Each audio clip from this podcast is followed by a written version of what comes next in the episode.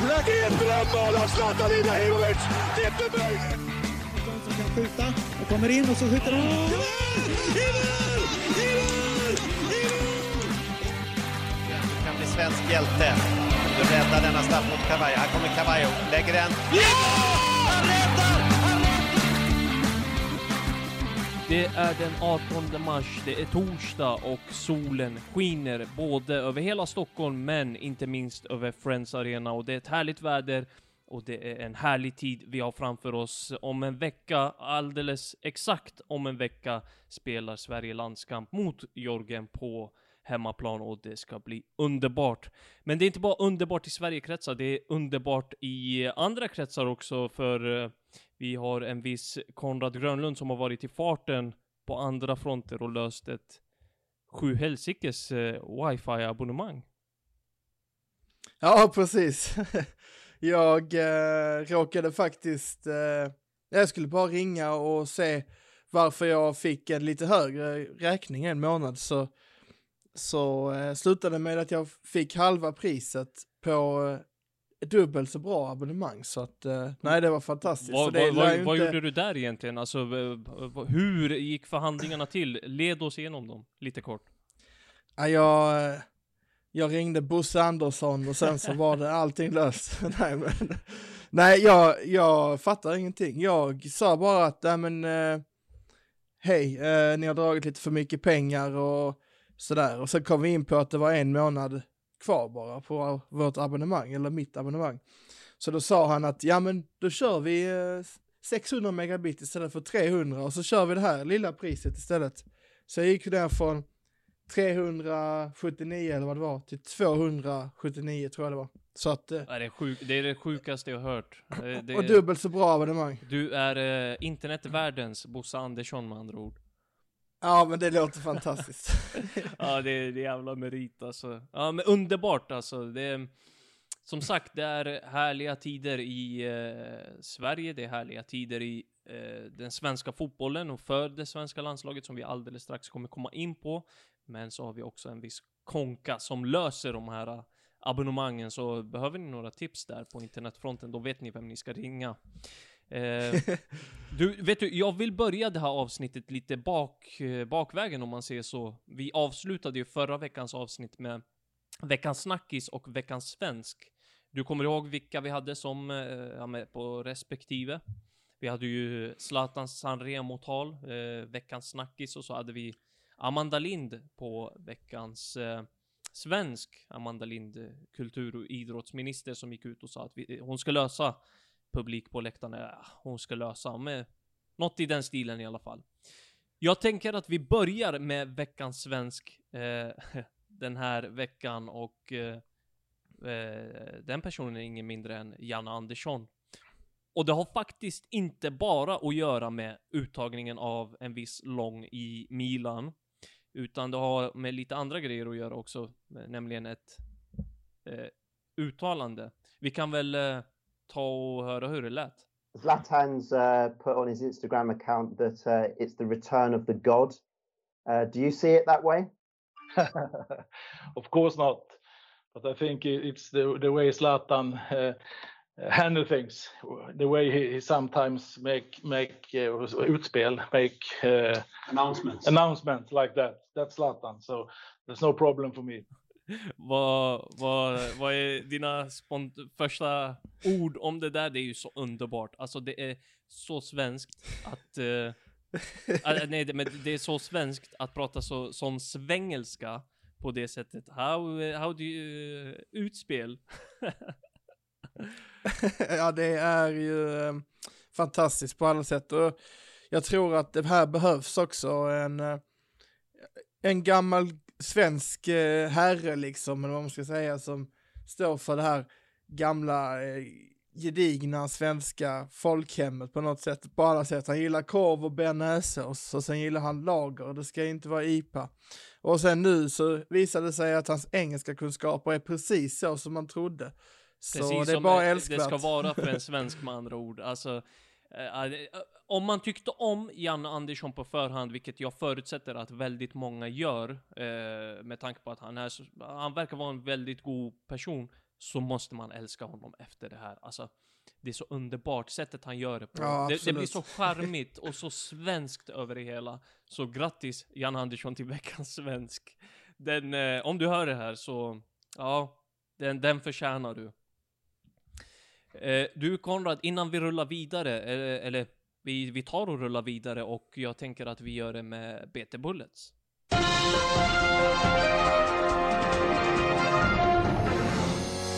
Svanberg briljerade och ledde sitt Bologna till seger. Tre svenskor har blivit ligacupmästare och Sofia Jakobsson avgjorde ett huvudstadsderby mot Atletico Madrid. Det här är landslagsnyheter med BT Bullets. Ja, vi börjar med herrnyheter. Sampdorias Albin Ekdal fick se Bolognas Mattias Svanberg ha stor uppvisning i samband med att lagen möttes i helgen. Först var det Musa Barrow som gjorde 1-0 för Bologna och därefter kunde Fabio Quagliarella sätta kvitteringen för gästerna. Men sen var det Svanberg för hela slanten. Svensken sköt 2-1 i hemmalaget i den 41 matchminuten och i den 70 serverade han Roberto Soriano vackert till 3-1. Med de siffrorna kunde Bologna lämna med en seger i bagaget och laget placerar sig nu på en tolfte plats i Serie A. I Tyskland var det Emil Forsbergs tur att skina. 29-åringen var en av få ljusglimtar i sitt Leipzig när man ställdes mot Eintracht Frankfurt på hemmaplan. Forsberg öppnade målskyttet i den 46 matchminuten och satte sitt lag i förarsätet. Men Leipzig hade sen svårt att kontrollera matchen och Eintracht Frankfurt kom tillbaka och satte 1-1 efter 15 minuter. Slutresultatet blev oavgjort men Forsberg hyllas trots allt stort i tyska medier och kvitterade ut höga betyg. Och i Holland skrivs det mycket om Gabriel Gudmundsson trots att han varit skadad på senare tid. Kroningen-spelaren som skolats om från anfallare till vänsterback har gjort det så pass bra på sin nya position att flera storklubbar visat intresse för honom. Enligt Sportbladet rör det sig om intresse från lag som Manchester City och Red Bull Leipzig. Och nu damnyheter. Zecira Musovic, Jonna Andersson och Magdalena Eriksson har i helgen blivit engelska ligacupmästare med sitt Chelsea. Andersson och Eriksson inledde matchen från start när Londonklubben övertygande besegrade Bristol City. Segern blev 6-0 och med det säkrade Chelsea sin andra cuptitel någonsin. Andersson blev utbytt i halvtid samtidigt som Eriksson spelade 90 minuter. Målvakten Musovic fanns med på bänken. I Spanien vankades det derby mellan Hedvig Lindahls Atletico Madrid och Sofia Jakobssons Real Madrid. Båda fanns med i respektive lags startelva, men det var Jakobsson som fick lämna med flaggan i topp. Anfallaren visade var skåpet skulle stå och i den 68 matchminuten gjorde hon 1-0 för marängerna. Ett mål som gjorde Jakobsson till matchhjältinna då målet blev tillställningens enda. Vi avslutar kort i Frauen Bundesliga där Fridolina Rolfö hjälpte sitt Wolfsburg till en ny trepoängare. Rolfö satte spiken i kistan för det tyska storlaget när hon fastställde slutresultatet till 2-0 i den 79 minuten hemma mot Leverkusen. Målet var svenskans andra den här säsongen. Ja du Konrad, det var BT Bullet för den här veckan och jag antar att du reagerar på att eh, rapporten saknar kanske den största nyheten inom svensk landslagsfotboll någonsin. Eller någonsin. Du menar att eh, Jocke Nilsson är i landslaget eller? Ja, exakt det Ja, syftar jag ja, på. ja. Nej, men eh, självklart menar jag att eh, Zlatan Ibrahimovic gör comeback i landslaget och det är en nyhet som Ja, det har inte fallit ner som en bomb riktigt eh, så, utan eh, det har ju inte varit en chock för alla, utan det har ju varit, det är ju något stort såklart. Och eh, anledningen till att jag inte har med det i BT Bullets och i den här rapporten är för att vi kommer snacka om det oavsett och alla har koll på att Zlatan är tillbaka. Så jag tänker att vi kan börja där ändå. Vi börjar med Zlatan Ibrahimovic comeback och eh, först och främst dina spontana tankar, vad, hur, hur lyder de? Jag eh, känner att Zlatan verkar ha ingått en lite mer ödmjuk position till landslaget. Eh, jag säger inte att han behöver vara ödmjuk som person, för det är inte det som gör honom bra. Men i landslaget tycker jag att man kan, att man gynnas av att ha den här lite mer ödmjuka positionen som han hade när han pratade i sin första intervju med Fotbollskanalen. Eller vad det var. Jag såg en intervju och jag minns inte vad det var. Men Menar du nu nyligen Ja, eller? Ja, det var igår, eh, Det eller är i med förrgår. Studio Blågult, eller vad, vad kallar de Så det? var det ja. Det är var det, ja. landslagets egna program Mm. där. Ja, jag, jag ber om ursäkt att jag creddade fel ställe här, men jag, jag, jag tyckte faktiskt att eh, där gav han en jättebra intryck och man, man ser ju på honom om han menar allvar, att han menar allvar, att han är seriös med landslaget, han vill spela där, så att det är det jag tar med mig faktiskt, framförallt. Ja, och kanske främst det här att eh, han... Eh, ja, men lite det här med att han eh, bollar upp Janne som en vinnare, att han är så positivt inställd och att han verkar... Alltså det verkar ju vara... Det är ju glöd i hans ögon. Man ser ju hur sugen Zlatan är. Och han gjorde ju den liknelsen. Jag, jag minns inte om jag gjorde den i podden förra veckan, men jag vet att jag gjorde den... Eh, jag har gjort den i övrigt liksom, att det här landslaget som han kommer till nu kan liknas lite grann med det Milan han kom till eh, för något år sedan. Det var ju ett Milan, ett ungt Milan, är ett ungt Milan fortfarande som han har burit lite grann på sina axlar och men tar den här frontfigursrollen och papparollen lite grann. Och han kommer ju till ett ungt och talangfullt landslag också som inte riktigt är det landslaget han lämnade utan ja, ett helt annorlunda landslag egentligen. Eh, vad, vad, vad kommer det här bety betyda för Sverige tror du? Eh, jag tror att det kommer betyda jättemycket, men jag kan inte vara helt säker på eh, hur det kommer se ut när det gäller just eh, vad säger man, fördelningen mellan eh, ansvaret i truppen nu. Det ska bli jättespännande att se vem är kapten, vem är, eh, vilka är ledarna eh, och vilka kliver fram när det blir tufft och, och det kanske vi inte kommer få se den här samlingen, för då är det ju Georgien och det är Kosovo och sen är det Estland. Det känns inte som att någon av dem i det här landslaget kommer kunna liksom göra bort sig eh, allt för mycket. Så att eh, det här kanske blir en mjukstart, men eh, hoppas i alla fall. Kan inte vi stanna Så- kvar lite vid lagkaptensfrågan där lite grann? Eh, eh, vad, alltså, Eh, Janne var ju tydlig. Eh, binden är Granqvists och han kommer nog gå runt på en hel del spelare här under den här samlingen. Och jag tror att han gör rätt i det, att det kanske blir lite fel att slänga på Zlatan-bilden direkt, direkt, även om jag tycker, med tanke på den ledarrollen han kommer ta på sig, och med tanke på den ledargestalten som alla redan ser honom som, med tanke på den fotbollsspelaren han är, eh, så kan han trä på honom eh, binden direkt. Eh, det är vår mest målskytt genom tiden och allt vad det innebär liksom, så det hade inte varit konstigt. Men jag tror att han gör rätt i det, jag tror att Zlatan är överens med honom om det, men jag tror att kommer han med till EM, och alltså då menar jag om Zlatan är frisk och han är med till EM, då är ju binden runt, runt hans arm, tror jag. Ja, absolut. Jag tror att han kommer... Eh, han kommer nog att få tillbaka vinden, men någonstans så undrar jag hur det blir.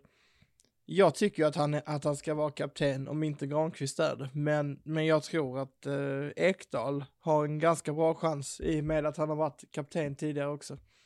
Så det beror ju på om man, om han tänker eh, att eh, den som har varit med under hela hans resa ska få lov att starta. Eller om det inte spelar någon roll överhuvudtaget. Eh, men det, det är det jag är lite mer eh, intresserad av att se. Men jag tycker det är inget fel på Zlatan som ledare, förutom att jag tycker att, som sagt det här med att man kommer in mitt i eh, ett landslag eh, på nytt här nu. Han är ju som en debutant skulle man kunna säga, även om det är fem år sedan. Eh, fast han är debutant med tusen gånger större ryggsäck än de flesta. Så eh, det, det är ju en speciell, eh, ett speciellt tillfälle, kanske helt unikt i Sveriges historia. Ja, nej det är väl spännande. Jag, jag ser inte Zlatan på, som debutant på samma sätt som du och många andra ver- verkar göra. Eh, han är ju det, till, det, det går ju inte att undgå. Jag förstår vad ni menar och vad du menar här, men jag tycker ändå att Zlatan alltid har varit en del av landslaget. Eh, Men nu är det lite nya medspelare. Men, ja, men tveklöst, tveklöst. Eh, men var, var det något mer du reagerade på från den här intervjun eh, med Kekembo? Eh, medieansvarig på, i landslaget. Eller medieansvarig, kommunikationsansvarig kanske han är. Nå, något i den stilen. Ja, Jo- men eh, jag, jag tyckte mest att det var roligt att han sa att det var någon ligamatch med Milan i helgen. Så att, Ja, det var, det var lite skoj det där. Och som Milan-supporter så, så um, gillar man ju det, eller? Eh, du, Ja, ja, du, ja, hatar ju ja. inte, eh, du hatar ju inte att han säger så. Jag håller på Milan jag också, så att, eh, Inter Milan då. Eh. Men eh, nej, jag tänker att eh, när han ställer sig in på någonting så vill han göra det. Så att jag, inte, jag, kom, jag tvekar inte fem öre på att han kommer ge allt och att det kommer bara brinna i hans ögon. Så att jag ser det bara positivt, men hade det varit en Zlatan eh, vid, som det var i höstas eller om det var hösten innan, han bråkade med Janne och sådär, då var det inte den harmonin som jag tyckte, tycker behövs. Och nu finns den harmonin där och då ser jag inga hinder till att Zlatan ska vara i landslaget överhuvudtaget. Nej, det är givet känns det som. Eh, jag reagerade inte så jättemycket. Jag tyckte, tyckte att det som sades i den här intervjun, både hans, Zlatans med blågul, eh, blågul eller blågult, jag vet inte exakt vad den heter, och Jannes med Fotbollskanalen. Det sades inte så här jättemycket som chockade liksom.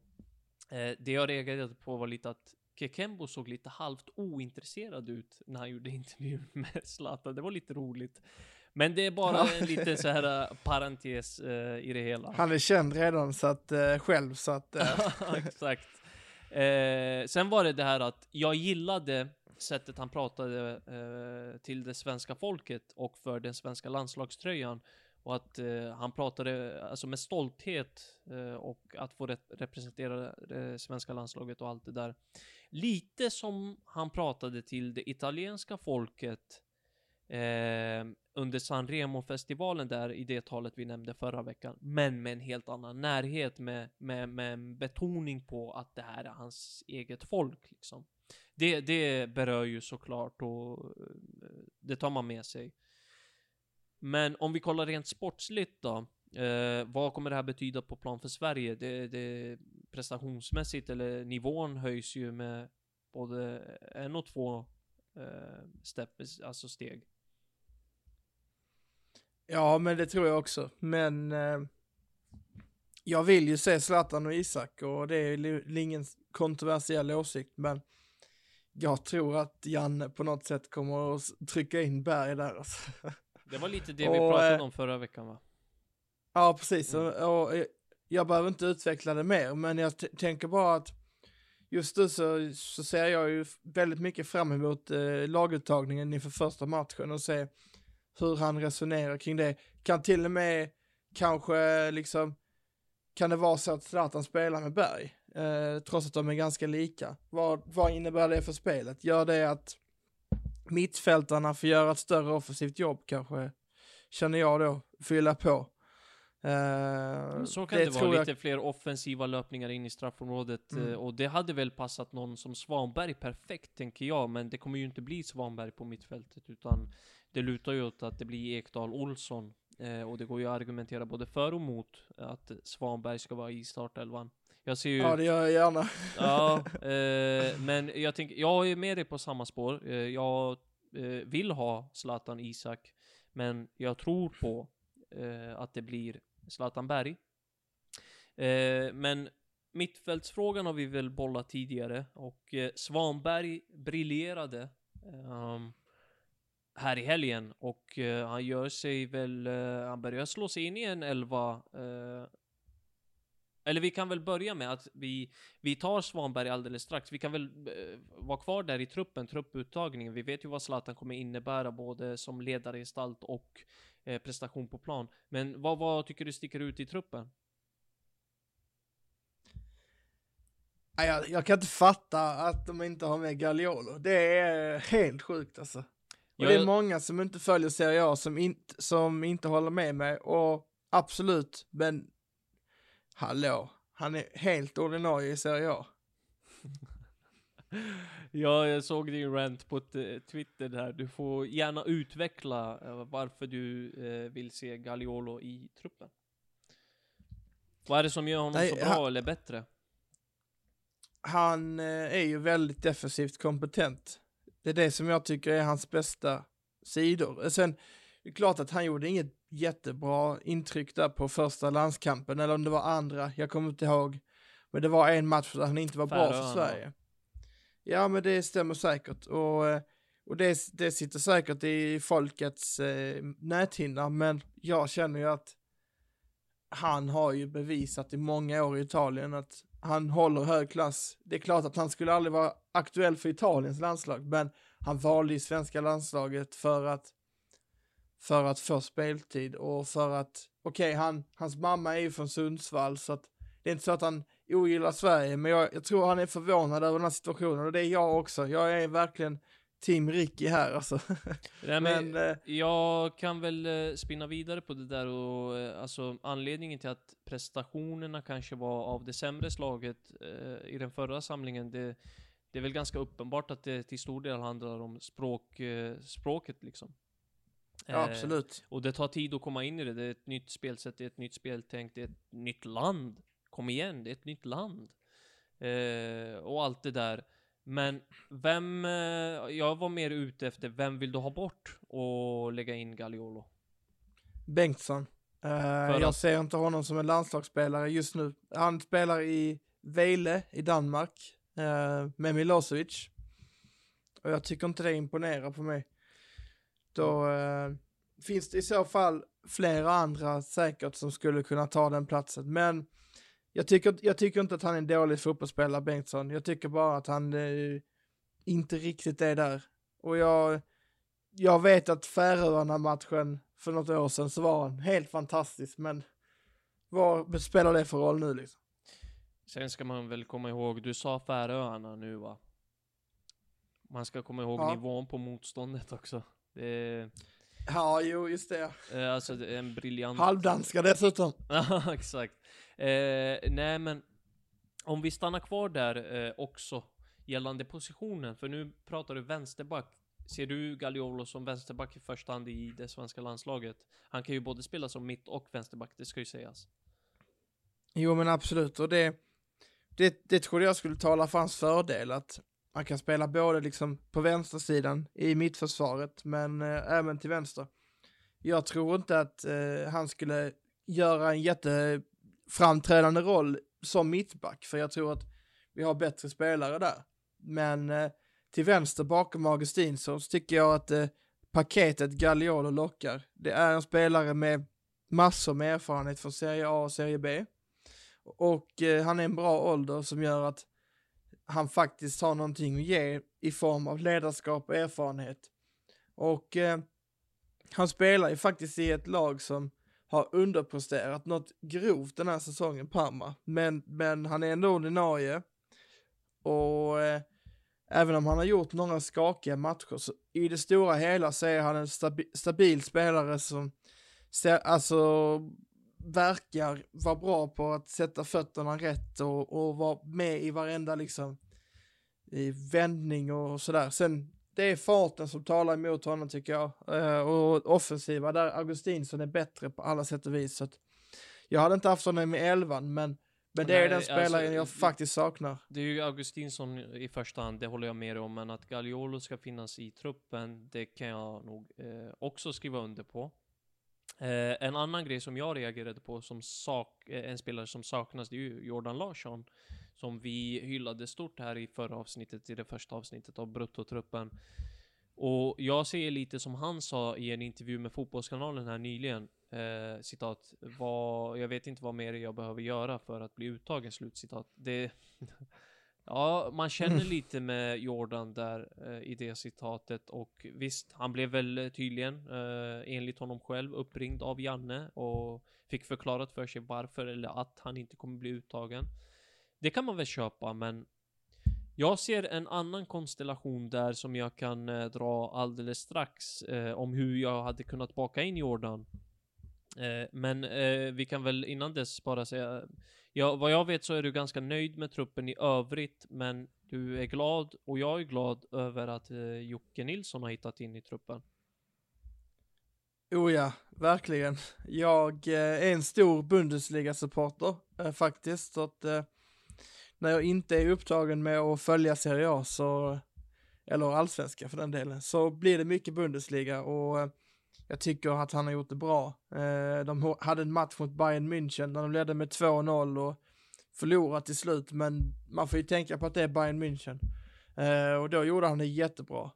Och det är en av de matcherna jag sett. Jag har sett fyra, fem kanske. Men det jag skulle säga det är att han har ju en sån utveckling som är helt otrolig. Från att han spelade jättebra i Sundsvall eh, för ett antal år sedan, gick till Elfsborg, var kanske inte dålig, men han motsvarade absolut inte förväntningarna. Och sen helt plötsligt så var han i Tyskland eh, efter en bra säsong i Elfsborg och nu är han liksom ordinarie i Bundesliga. Så att han ska vara med i landslaget, är inget snack.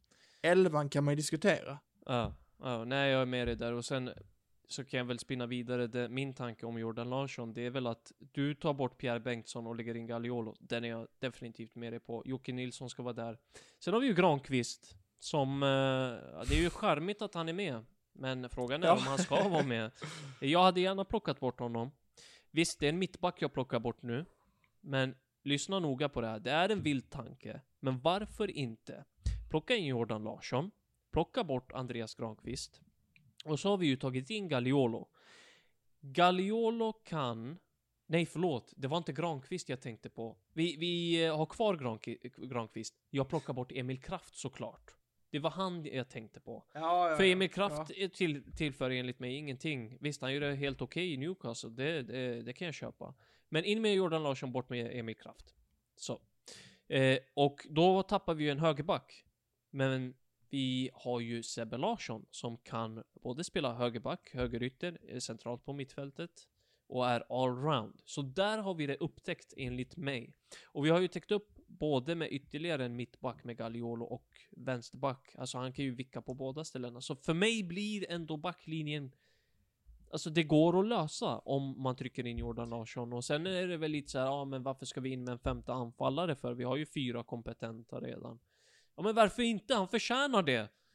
Och så kan han väl, eh, Jordan Larsson är väl eh, till- tillräckligt eh, duktig för att kunna spela ytter också om det skulle behövas. Eh, Om Seb Larsson flyttas ner så har vi ju en högerytter tillgänglig. Tänker Ja, jag. precis. Om, om inte annat så är han ju, som han själv sa, att han, vad ska han mer göra för att bli Exakt. uttagen? Någonstans så, Marcus Berg är ju med för den han är och den, hans meriter. Men den här säsongen har Jordan Larsson mer än överglänst honom i ryska ligan. Och i ett bättre lag dessutom.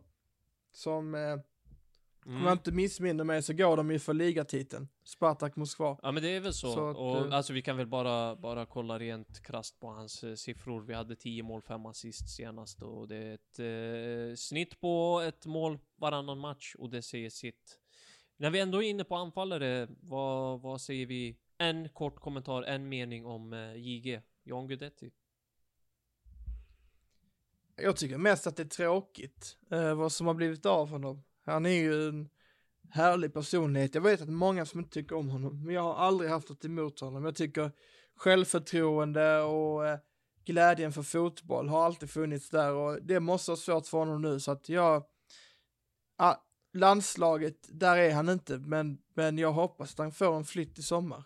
Ja, det var en lång mening, men eh, du fick med dig det jag skulle säga också egentligen. Jag älskar John Guidetti, han är så underbar på så många sätt. Men tyvärr så håller inte här och nu. Kanske får han fart framöver på karriären och eh, på fotbollsfötterna. Men inte här, inte nu. Kanske framöver och då får vi ta det där och då. Vi, eh, jag nämnde ju Svanbergs insats både i BT Bullets i rapporten och eh, så ville jag komma in på det ivrigt rätt så tidigt men jag tänker att vi tar det nu. Mr 25 miljoner euro enligt, eh, ja någon italiensk tidning, jag vågar inte säga vilken, men i Italien så skriver man Gazettan tror jag det var. Ja, Gazettan, tack. Är han snart, eller är, är- det snart, eller är han redan förbi Olsson? Som enligt dig står för en lite, ja, några frågetecken kring hans säsong. Ja, men eh, faktiskt. Jag har sett Krasnodar ytterst få gånger. Det är Europa League, eh, Dinamo Zagreb-matcherna såg jag. Eh, men jag har hängt med ändå. Jag, jag följer något ryskt Twitterkonto eller ett engelskt konto som eh, skriver om ryska ligan då. Och eh, Krasnodar har ju varit totalt värdelösa. De har inte fått spelet att funka och, eller värdelösa. De är tippade att komma topp tre, de ligger åtta. Eh, det är ganska värdelöst skulle jag nu säga. Och eh, Olsson har svårt att liksom, han har svårt att få upp tempot och poängen och sådär, så att jag tror att jag tror inte att han är, alltså att han är illa ute på något sätt, men, men jag tycker att den här inspelningsdagen 18 mars 2021 så är Svanberg för tillfället förbi Olsson. Det är min bestämda åsikt. Sett till prestation så kan man inte snacka bort det egentligen. Eh, det som talar emot att Svanberg till exempel finns i en startelva mot Jorgen, det är väl att eh, Olsson tidigare har spelat i landslaget eh, mer frekvent och att eh, det blir kanske en ja, men bättre balans med Olsson Ekdal än Olsson Svanberg eller Svanberg Ekdal. Jag vet inte. Samtidigt så, alltså det kittlar ju att ha två väldigt spelande mittfältare som Olsson och Svanberg är. Eh, som gillar att, ja, men, som har bra passningsfötter, som är bra box till box, som är bra, har bra fotbollshjärnor och så. Sen Svanbergs fysik ska man inte underskatta, herregud. Han är stark och eh, eh, kan trycka bort många spelare. Ja men absolut, men Olsson är lite bättre på finliret, men, mm. men eh, Svanberg gör både mer poäng uh, och har en större arbetskapacitet. Jag tycker han gör väldigt mycket i defensiven också. Så uh, Svanberg kommer ju få sin speltid förr eller senare. Eh, jag säger inte att han kommer starta nästa vecka. Jag tycker bara att han faktiskt börjar närma sig det och eh, jag skulle inte bli förvånad om han får mycket speltid nu under de här tre matcherna. Nej, samma här. Och jag hoppas verkligen på det. Eh, bara en eh, kort kommentar. Kan eh, Svanberg spela i ett eh, dagens Milan? Tror du? Jag säger ja på den. Ja, både och. Eh, och då menar jag inte start, utan eh, låt säga truppspelare. Nej. Mm. Nej, men sett till mittfältet, materialet idag, så hade han ju varit en eh, stabil reserv som hade fått en del speltid i och med att Milan har många matcher. Men eh, jag tycker inte att han rår på startspelarna idag, mittfältet. Eh, men samtidigt så ser vi ju att Milan har ganska mycket skador, och, eller ganska mycket är ju och, inte att ta i om man säger så, utan det är väldigt mycket skador. Så eh, jag svarar väl ja på den frågan, men jag tror att Mattias, han får nog växa in i det. Det är inte bara rakt in och visa vägen, utan han kommer få kanske en liten tuff första år, men sen hoppas vi på det bästa såklart. Ja, exakt. Och det, det båda gott för framtiden helt enkelt eh, gällande Svanberg. Och det båda gott gällande ytterkanterna också.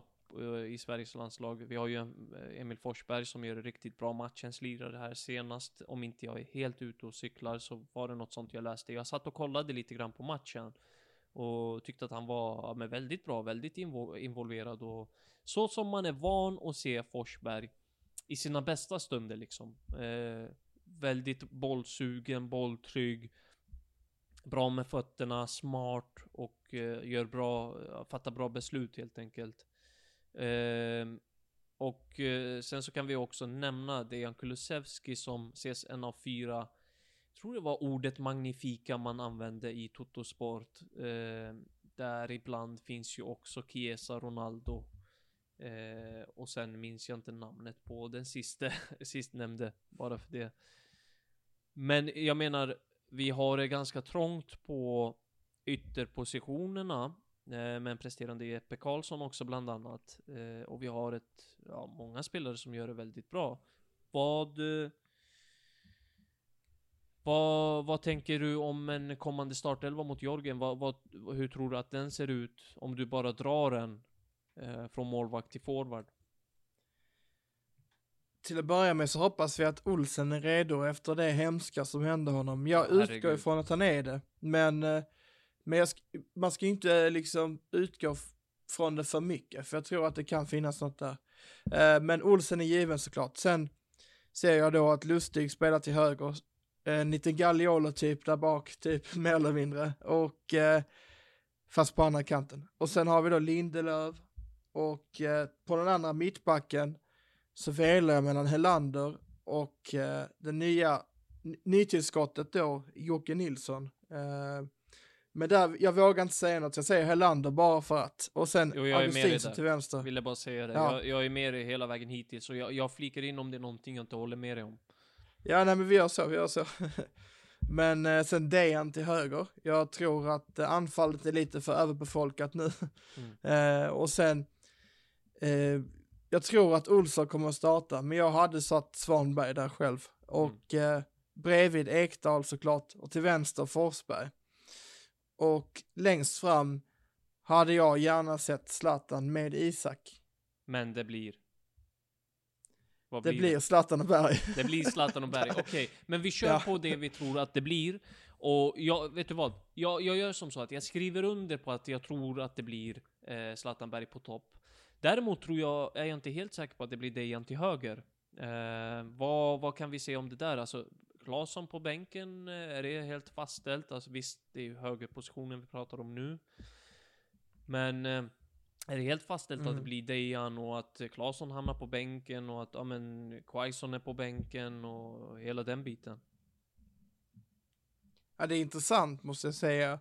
Forsberg eh, och eh, han har ju haft lite fysiska problem den här säsongen och det är inte första gången liksom. Men eh, Claesson har man ju nästan glömt bort lite grann tycker jag. Eh, visst är det så? Eh, och det, det är ju en klasslirare i sina bästa stunder. Jättebra spelare verkligen och han har ju både fysiken men också en viss teknik och, och eh, snabbhet. Avslut tycker jag han är duktig på också så att inlägg är väl hyfsat bra så att Alltså jag ska inte räkna ut Mr. Knasen men jag ser någonstans att Forsberg går före. Sen till höger, jag kan hålla med dig om Kulusevski. Vad händer där? Han har ju inte varit sin bästa säsong här nu. Så att, eh, eller Nej, i alla fall den senaste perioden. Så jag, jag, jag, att håller verkligen som, med dig där också. Jag sa ju att han ses som en av fyra magnifika eller vad det var. Och absolut, Mm. jag ser honom som en av eh, världens absolut mest magnifika talanger. Men han har ju inte gjort det superbra i Juventus, det ska vi vara ärliga och säga. Ehm, alltså, i stunder så har det inte sett jättebra ut. Men jag tycker att vi gör som så.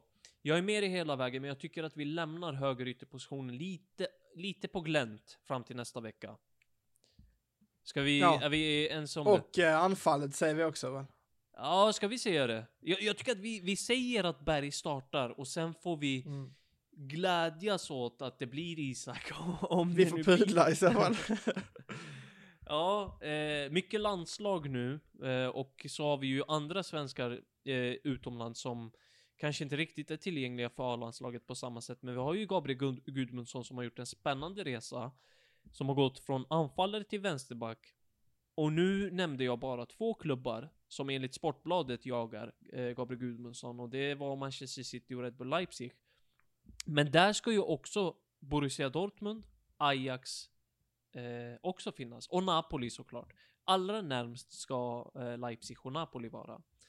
Eh, och det, det är ju så häftigt att gå från att vara anfallare, vänsterytter eller vad, vad det har varit tidigare eh, till att bli vänsterback och göra det så bra som Gudmundsson gör. Eh, vad, vad, vad är dina tankar om det? Alltså eh, skadad nu förvisso, men ändå eftertraktad. Ja men det är spännande, väldigt spännande och du gillar ju namnet såklart så att eh, han måste ju vara med. Han måste ju vara med. men eh, nej men det, det är väldigt eftertraktat med spelare som, som eh, liksom är ute på kanten och, och liksom kör hela vägen från defensivt straffområde till offensivt och det verkar som att, det, det lilla jag vet om honom, det verkar som att han har en bra fysik och att han, Snabb. att han är väldigt, ja men han är snabb men han är också uthållig verkar det som. Ja, exakt. Och- Och, det, det är ju det, det man vill ha hos, uppskattas. eh, en ytterback, eh, på tal om, låt säga, Augustinsson som känns som att ibland kan han springa en evighet. Men du, Absolut, han är vältränad som tusan. ja, eh, men du, om vi tar eh, klubbarna då. Eh, Gudmundsson gör det superbra nu i Eredivisie och gör det bra i, eh, som vänsterback i Groningen. Vad är det mest optimala nästa steget för honom?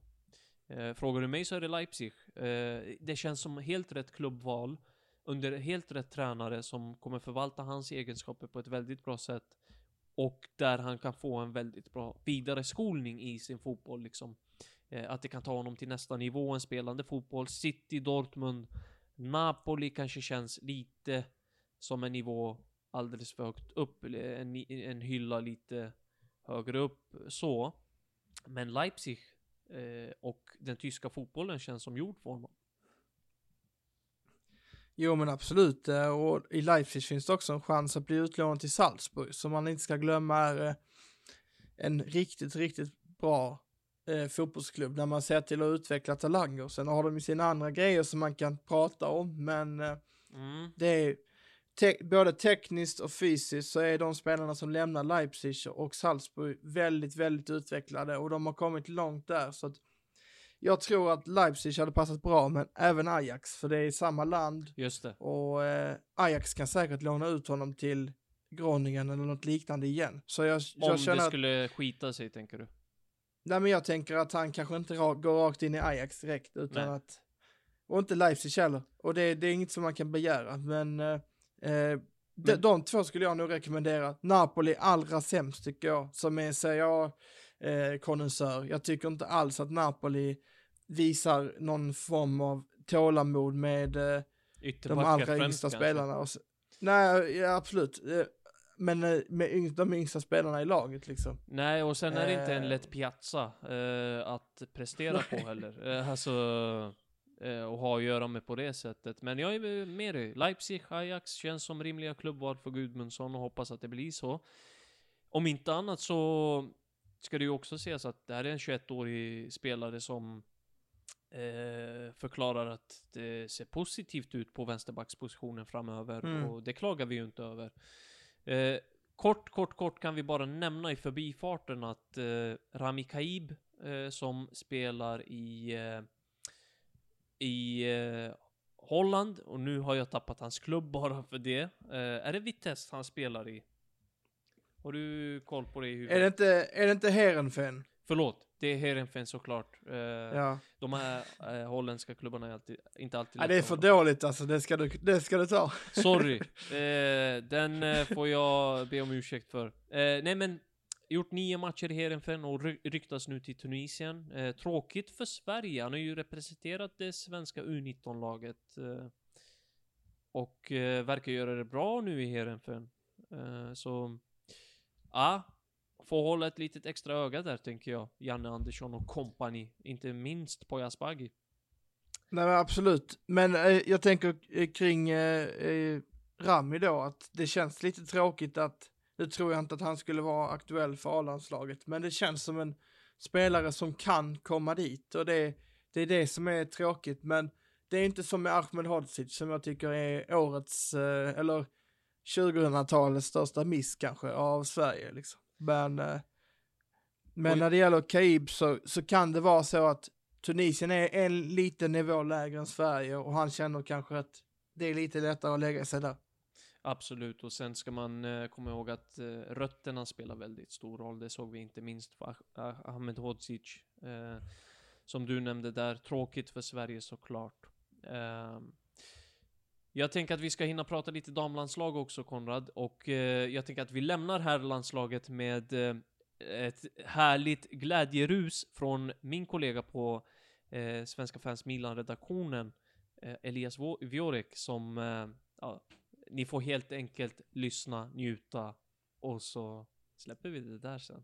Jan Andersson presentera truppen. Du är Zlatan-fantast. Hur Ja, känner du? verkligen. Jag är så nervös nu, alltså, jag kan knappt andas verkligen. Alltså, jag, ja, jag är så spänd nu, alltså, det måste stå Zlatan där, det måste bara göra det. Nu rabblar han upp. Nej, han är med! Han är med! Han är med! Han är med! Det är helt sjukt! Det är helt sjukt! Han är med! Han är tillbaks! Han gör comeback! Det är helt sjukt! Jag kan inte fatta det! Jag kan inte förstå! Det är helt... Nej, det är sant. Jag var inte ens beredd på det. Jag, jag hörde knappt vad han sa och Zlatan gör comeback. Alltså, jag, nej, jag börjar gråta. Jag börjar gråta. Det är inte sant. Det är inte sant. Åh gud, nu är jag, gud, jag skakar. Jag, kan, jag kommer svimma. Behöver du sätta dig ner? Nej, jag vet inte. Jag kommer svimma. Men gud. Ta det lugnt. Oh, shit. Jag håller på att Vad trilla. betyder det att han är med? Nej, alltså det är... Åh, oh, gud. Det är, alltså, det är en dröm. Det är så... Det är så... Åh, gud. Ja, här, härliga, härliga um, känslor, om man säger så.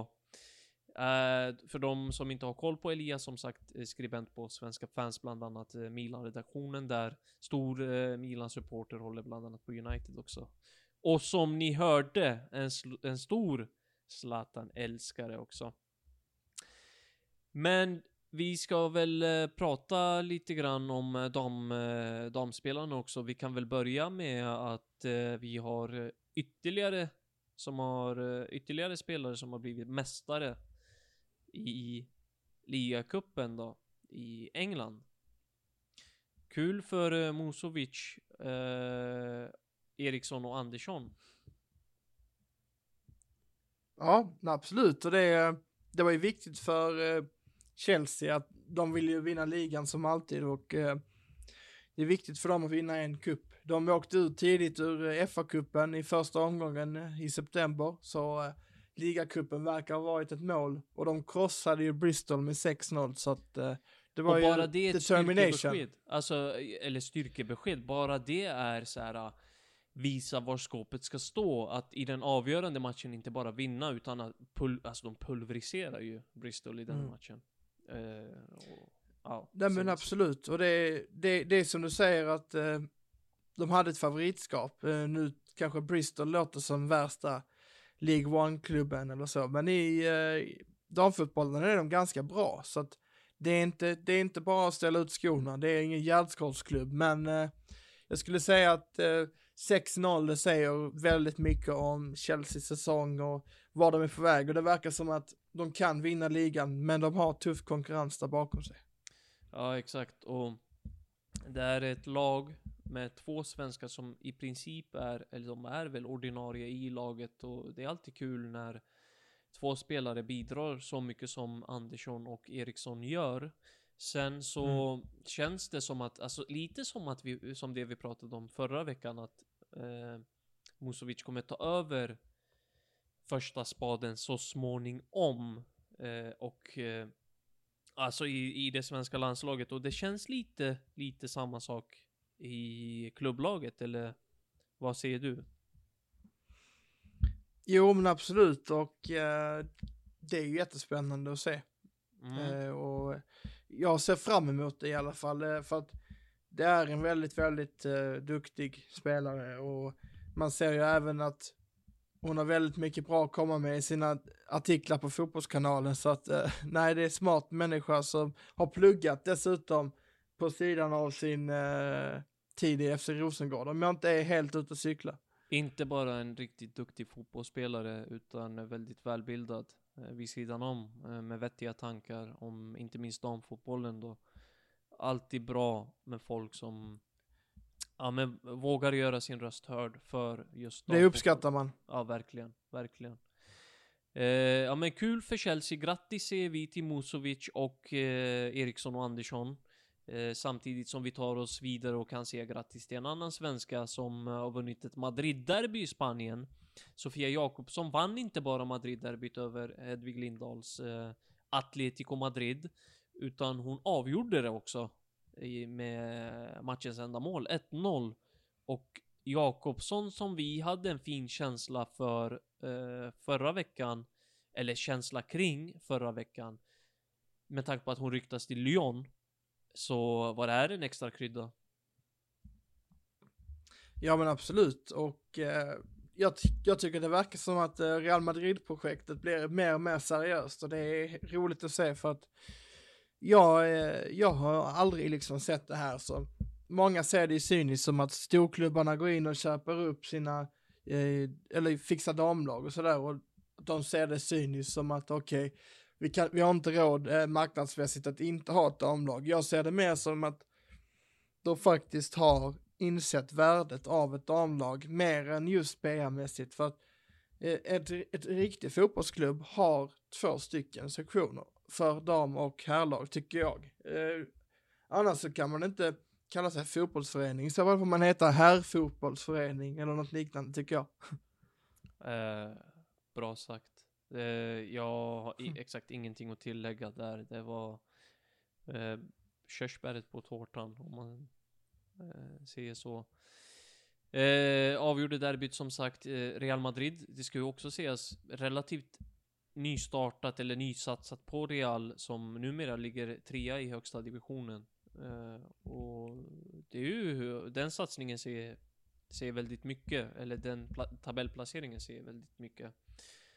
Uh, kul för Sofia. Eh, mindre kul för Hedvig Lindahl som fick släppa in den bollen bakom sig. Eh, Men det, vi ska ju också säga att Atletico Madrid åkte på ett rött kort i den här matchen, vilket gjorde att eh, Real hade ett litet övertag där i slutet. Jakobsson gjorde ju mål i den 68 minuten. Sen var det ett rött kort till Castellan, Castellanos eh, i Atletico Madrid i den 78 minuten. Men men, eh, torsk för Hedvig Lindahl och eh, Ja, nej men det kanske eh, bidrar ännu mer till den känslan som vi har sagt eh, förra veckan. Att Ja. det är ett paradigmskifte på gång. Men eh, nej, skämt åsido, hon gör det ändå bra. Hon spelar ju ändå i topplag i Spanien. Det, Ja, det är inte så det... startkvinna i Atletico Madrid, det, det är inte eh, att skoja bort liksom. Så på så sätt så absolut fortfarande en spelare som håller hög klass, men kanske, kanske eh, ganska snart så ser vi en ny, en ny spelare på första positionen i herrlandslaget, eh, damlandslaget på, eh, på målvaktsposten. Vi har fler svenskor som har gjort mål ute i Europa och det är Rolfö bland annat. Fridolina Rolfö gjorde 2-0 må- 2-0 målet mot Leverkusen. Och fortsätter att göra det bra. Fridolina Rolfö som inte kommer vara kvar i Wolfsburg efter säsongen. Värt att nämna bara att eh, hon fortsätter göra det bra. Hon har gjort det bra spelmässigt hela säsongen men jag tror att det här var hennes andra mål bara. Inom citationstecken då. Mm. Men eh, kul för är henne. det ju. Eh, och eh, en annan eh, rapport som vi inte tog med i BT Bullets är att Lina Hurtig gjort, gjort sitt åttonde mål den här säsongen va? Eh, hon Ja, har inte precis. bara börjat komma in i den italienska fotbollen utan hon har börjat eh, erövra den. Ja, de eh, sänkte ju ett väldigt starkt Roma i eh, kuppen här i helgen så att det var imponerande att se. Och eh, gav sig själva ett väldigt bra utgångsläge inför returen. Men eh, ingenting är klart. Men eh, utan Lina så hade det inte gått, i alla fall inte i den här matchen. Ja, exakt. Eh, va, va, vänta nu, var det så att de vann över Roma eller förlorade de? De vann. De vann? Ah, jag har eh, fått siffrorna omvända här. Ja. men vinst var Nej, det. men det... Alltså, det som är grejen är att eh, hon har ju haft en... Eh, nej, det var, det var förlust. De, de Ja, förlorade. jag, Roma ja, vann precis. Jag, jag, jag tänkte på Inter Milan. Ja, dagen eh, efter. du, håll inte sympatierna borta från det här programmet, tack. Eh, ja, nej, eh, men jag, jag tänkte på Caroline Mö- Möller som är dansk i, och jag vet inte varför jag gjorde det. Men, men det som var saken med det var att, eh, att hon faktiskt har visat över flera veckors tid här nu att hon har kommit igång och att hon har blivit vital nu när säsongen ska avgöras. För det är, det är då de riktiga karaktärerna kommer fram, när de viktiga matcherna blir ännu viktigare. Alltså alla matcher är värda tre poäng, så, att, så är det ju 38 matcher om året eller vad det nu är i varje liga så. Men det är ännu viktigare att vara igång här nu och hon verkar ju vara allra hetast tillsammans med eh, veteranen Bonansea då såklart. Ja, exakt. Och hon gör sig mer eller mindre oumbärlig för, eh, eh, för laget. Och alltså, det är ju fint att se hur hon har kommit in i den italienska fotbollen och eh, eh, allt det där och gör det så bra idag. Sen vill jag också passa på att hylla Juventus för eh, en grej. Jag vet inte om du såg det, men de hade ett inslag med Lina och Lisa Hurtig. Lisa är ju gravid och de väntar barn tillsammans. Eh, och det var så fint att de gjorde ett så fint inslag med dem och hur, hur de lever idag och att Lisa är gravid och du vet hela den grejen. Och marknadsförde det på sin, sina officiella kanaler för alla, alltså hela föreningen Juventus och inte bara dam, damfronten liksom. Nej, jag såg det också, det var är det? fantastiskt. 48 miljoner följare. Och, och Ja. du vet, det här är i ett land där man inte ser så lätt och öppet på eh, homosexualitet på det sättet. Man ser inte så lätt på, eh, med, eh, man, man, har, man är inte så, eh, acceptansen mot damfotbollen och allt sånt är fortfarande i ut, alltså utvecklingsfasen. Och att Juventus tar det här steget är stort, är bra. Och Mm. alltså de agerar ju verkligen, de, de tar täten i det här och det, det, det ska man ha en riktigt stor uh, eloge för. Eh, verkligen. Absolut, all respekt för det och eh, som du sagt, det var fint och, och ramade in någonting som verkligen eh, behöver ändras i Italien så att eh, nej, det är jättebra. Men eh, sen tänkte vi väl på Olivia Skog också, lite grann. Ja, exakt. Om vi ska prata lite inrikes innan vi fortsätt, fortsätter på sporten utifrån. Olivia Skog gjorde ju mål mot Vittsjö. Eh, Byttes in i den 61 minuten och gjorde mål sen. Eh, eh, fastställde 3-1 målet va? Om inte jag är helt ute och cyklar. Och det, det är väl båda väl gott. Att hon kommer in bra i sin nya klubb, FC Rosengård. Efter att ha lämnat Djurgården. Och får, får sätta, sätta en kasse. Ja, det är viktigt för självförtroendet och eh, får hon igång det där eh, härliga energin som hon har så eh, jag vet inte om hon har tappat den i sig, men du fattar vad jag menar. Hon får upp den här glöden och liksom hon är igång så, så är det en jättebra fotbollsspelare, verkligen. Liksom. Verkligen en hög högsta nivå, Olivia Skog och vi har ju sett vad hon kan bidra med i det svenska landslaget, så det tackar vi inte nej till. Loretta Kulashi har också blivit målskytt. Hon, eh, för Eskilstuna United då, hon missade straff i den 21 minuten mot Sundsvall på bortaplan. Men sen så revanscherade hon sig och gjorde 3-0 målet som blev slutresultatet. Det kändes som att Kulashi var på alla släppar ett tag. Ryktades till Manchester City, om inte jag har helt fel. Eh, under fjolåret eller året dessförinnan. Men nu har Det så- låter rätt faktiskt. Ja, och nu har fokus fallit bort lite grann från eh, Kolashi. Så eh, ett mål är nog bra för självförtroendet. Ja men absolut. Eh, nej jag tänkte bara fylla i att eh, jag kom på det nu att hon hade tackat nej till City som ungdomsspelare. Om det, jag tror det var det som var grejen. Som 18-åring eller så. Så hade hon tackat nej till ett kontrakt där och, hellre stannat hemma i Sverige. Jag tror att det var så det var. Mm. Men i alla fall.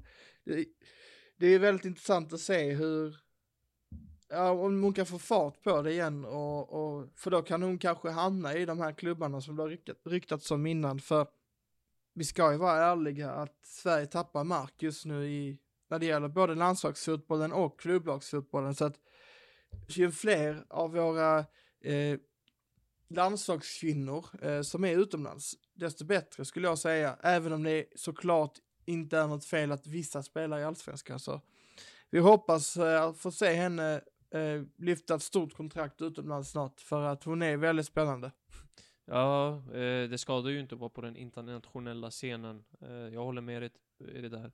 Eh, sen ska vi väl eh, nämna det också, jag glömde säga det där i samband med Madrid-derbyt, eh, att Kosovare Aslani saknades igen. Eh, hon, har ju, hon var ju borta dessförinnan i ligamatchen på grund av skada, hade gjort en kort comeback, har ju eh, dragits med en hjärnskakning som hon har bekymrats med. Borta igen. Eh, jag tror inte att vi behöver vara oroliga, men det kan vara med, bra att ha med det i åtanke. Sen har vi lite Champions League också på damfronten där FC Rosengård ska spela mot eh, eh, Bayern München. Visst är det så? Ja, det är, det är ju riktigt, riktigt bra match och eh, vi får se om Rosengård har något att stötta emot eh, den tyska jätten som har, som vi sa förra veckan då, varvat igång rejält och nu tar de verkligen damfotbollen seriöst så att det kommer bli spännande att se. Flera svenskar dessutom med eh, liksom, det finns en känsla att inom mig då att Amanda Ilestedt, kommer hon, hon kommer vilja göra det bra mot sin moderklubb, det tror jag verkligen. Så att eh, det kommer Ja. bli roligt. Exakt, det, det blir en rolig match att vänta. Eh, vi kan också se det att bara så här snabbt, kort i Champions League. PSG ställs mot Lyon, Barca mot City, Chelsea mot Wolfsburg. Så där har vi också ett svenskt möte mellan eh, Fridolina Rolfö och eh, de tre svenskorna i Chelsea. Eh, Så spännande möten att vänta. Eh, Vi kan också nämna kort också, Konrad, Mia Perssons Slavia Prag. De eh, har börjat spela ligafotboll igen, det var ett tag sedan. Fem månader utan ligafotboll för Mia Persson. Som har gjort tre mål på tio matcher i Slavia Prag och ja, det är ju till följd av covid ska vi också säga. Det tror jag alla har förstått. Men i helgen var de igång igen och vann med 6-0. I Champions League eh, kan vi nämna dem i den kontexten också så vi vet var vi har Mia Persson, 29 år gammal mittfältare. Eh, så förlorade de, de det första mötet i åttondelsfinalen mot PSG med 5-0. Returmötet 3-0. Och då menar jag 3-0 till Slavia Prag. Så det var Oj. inte långt borta. Nej, det är, ja, men det är kul att höra och eh, det är inte, där, där ska jag vara helt eh, ärlig och säga att tjeckiska ligan för damer, då- den är inte min eh, cup of tea liksom. Det är ingenting som jag kan sådär jättemycket så att det är roligt att höra lite kuriosa och eh, jag hoppas att hon kan eh, komma hem eh, till Sverige för att hon har väldigt mycket att ge. Ja, kul med svenskar som sagt som gör det bra ute i Europa. Nära för henne Slavia Prag. Det hade vi ju unnat henne, men eh, jag tänker att det är dags att runda av alldeles snart, men innan dess har vi ju en veckas snackis att avsluta med. Vi hyllade alldeles nyss Juventus för sin eh, aktion gällande Lina och Lisa Hurtig. Men eh, det finns en eh, sämre aktion där ute som inte riktigt är svensk. Eh, som du får gärna få ta lite kort bara. Ja, eh, det var ju en väldigt eh, bizarr och eh, tröttsam historia som uppdagades i tysk media eh, nu i dagarna. Borussia Mönchengladbachs U23-tränare Heiko Vogel gjorde sig skyldig till osportsligt uppträdande mot en domare under en av lagets matcher. Det tyska fotbollsförbundet har nu beslutat om en bestraffning som är helt bizarr. Ja, Straff, straffet är alltså att eh, Vogel ska träna ett damlag eller ett flicklag i sex träningspass. Alltså det, Ja, det är, det eh, är helt åt skogen, åt, förlåt jag svär nu, åt helvete att man kan göra på det här sättet. Och med tanke, att vi tar upp det här som veckans snackis. För att det här är så långt ifrån svenskt som det bara går. Och något sånt här hade vi aldrig gjort i Sverige och det är vi så jävla glada över. Ett vidrigt beteende som inte ska vara acceptabelt någon annanstans. Nej, absolut inte. Det är, och det, det här är också för att man ska sprida någon form av eh, liksom kunskap kring hur det ser ut på andra ställen. Det är jätteviktigt eh, för Sverige. Här har vi liksom en väl, har vi kommit långt och vi har inte, absolut inte kommit hela vägen. Vi har mycket kvar att göra, men det här visar liksom Tyskland som, som kanske var bäst och först med damfotbollen. De verkar ju ändå inte ha lärt sig någonting. Så att eh, förbundet dessutom, det är helt absurt. Alltså det är Alltså- helt, helt otroligt och jag tänker att vi avslutade avsnittet i den positiva meningen att i Sverige kanske vi inte är där, men vi är på god väg och det ser bra mycket bättre ut än vad det gör i andra länder och Ja, som sagt, det, det får vara det positiva vi tar med oss här och veckans snackis är, blir lite kritik åt eh, den tyska fotbollen. Och eh, ja, avslutande ord bara så här kring det andra avsnittet av Bruttotruppen. Det är så otroligt roligt att få vara igång. Nästa vecka är vi på plats mot Georgien och ska försöka spela in lite grann på plats, eh, lite extra material. Livesända presskonferensen på våra sociala medier och eh, ja, helt enkelt vara i hetluften. Vi ska försöka släppa ett avsnitt där dessförinnan också. Eh, Ja, inte- precis. Planen är ju att vi ska köra en, ett inför eh, när vi pratar som vanligt, men så ska vi också försöka ha ett lite kortare avsnitt efter matchen där vi ger korta reflektioner, men också eh, eh, några förhoppningsvis lite inslag ifrån matchen, eh, vad det nu kan bli. Så att, eh, Corona ställde till det tyvärr. Men eh, vad vi än kan få tag blir. i. Det får bli en liten överraskning. Eh, och Ja. eh, jag tänker att eh, vi ser och hör och vad, vad det blir nästa vecka och ser vi fram emot. Vi tackar för idag och eh, tackar för att ni har lyssnat.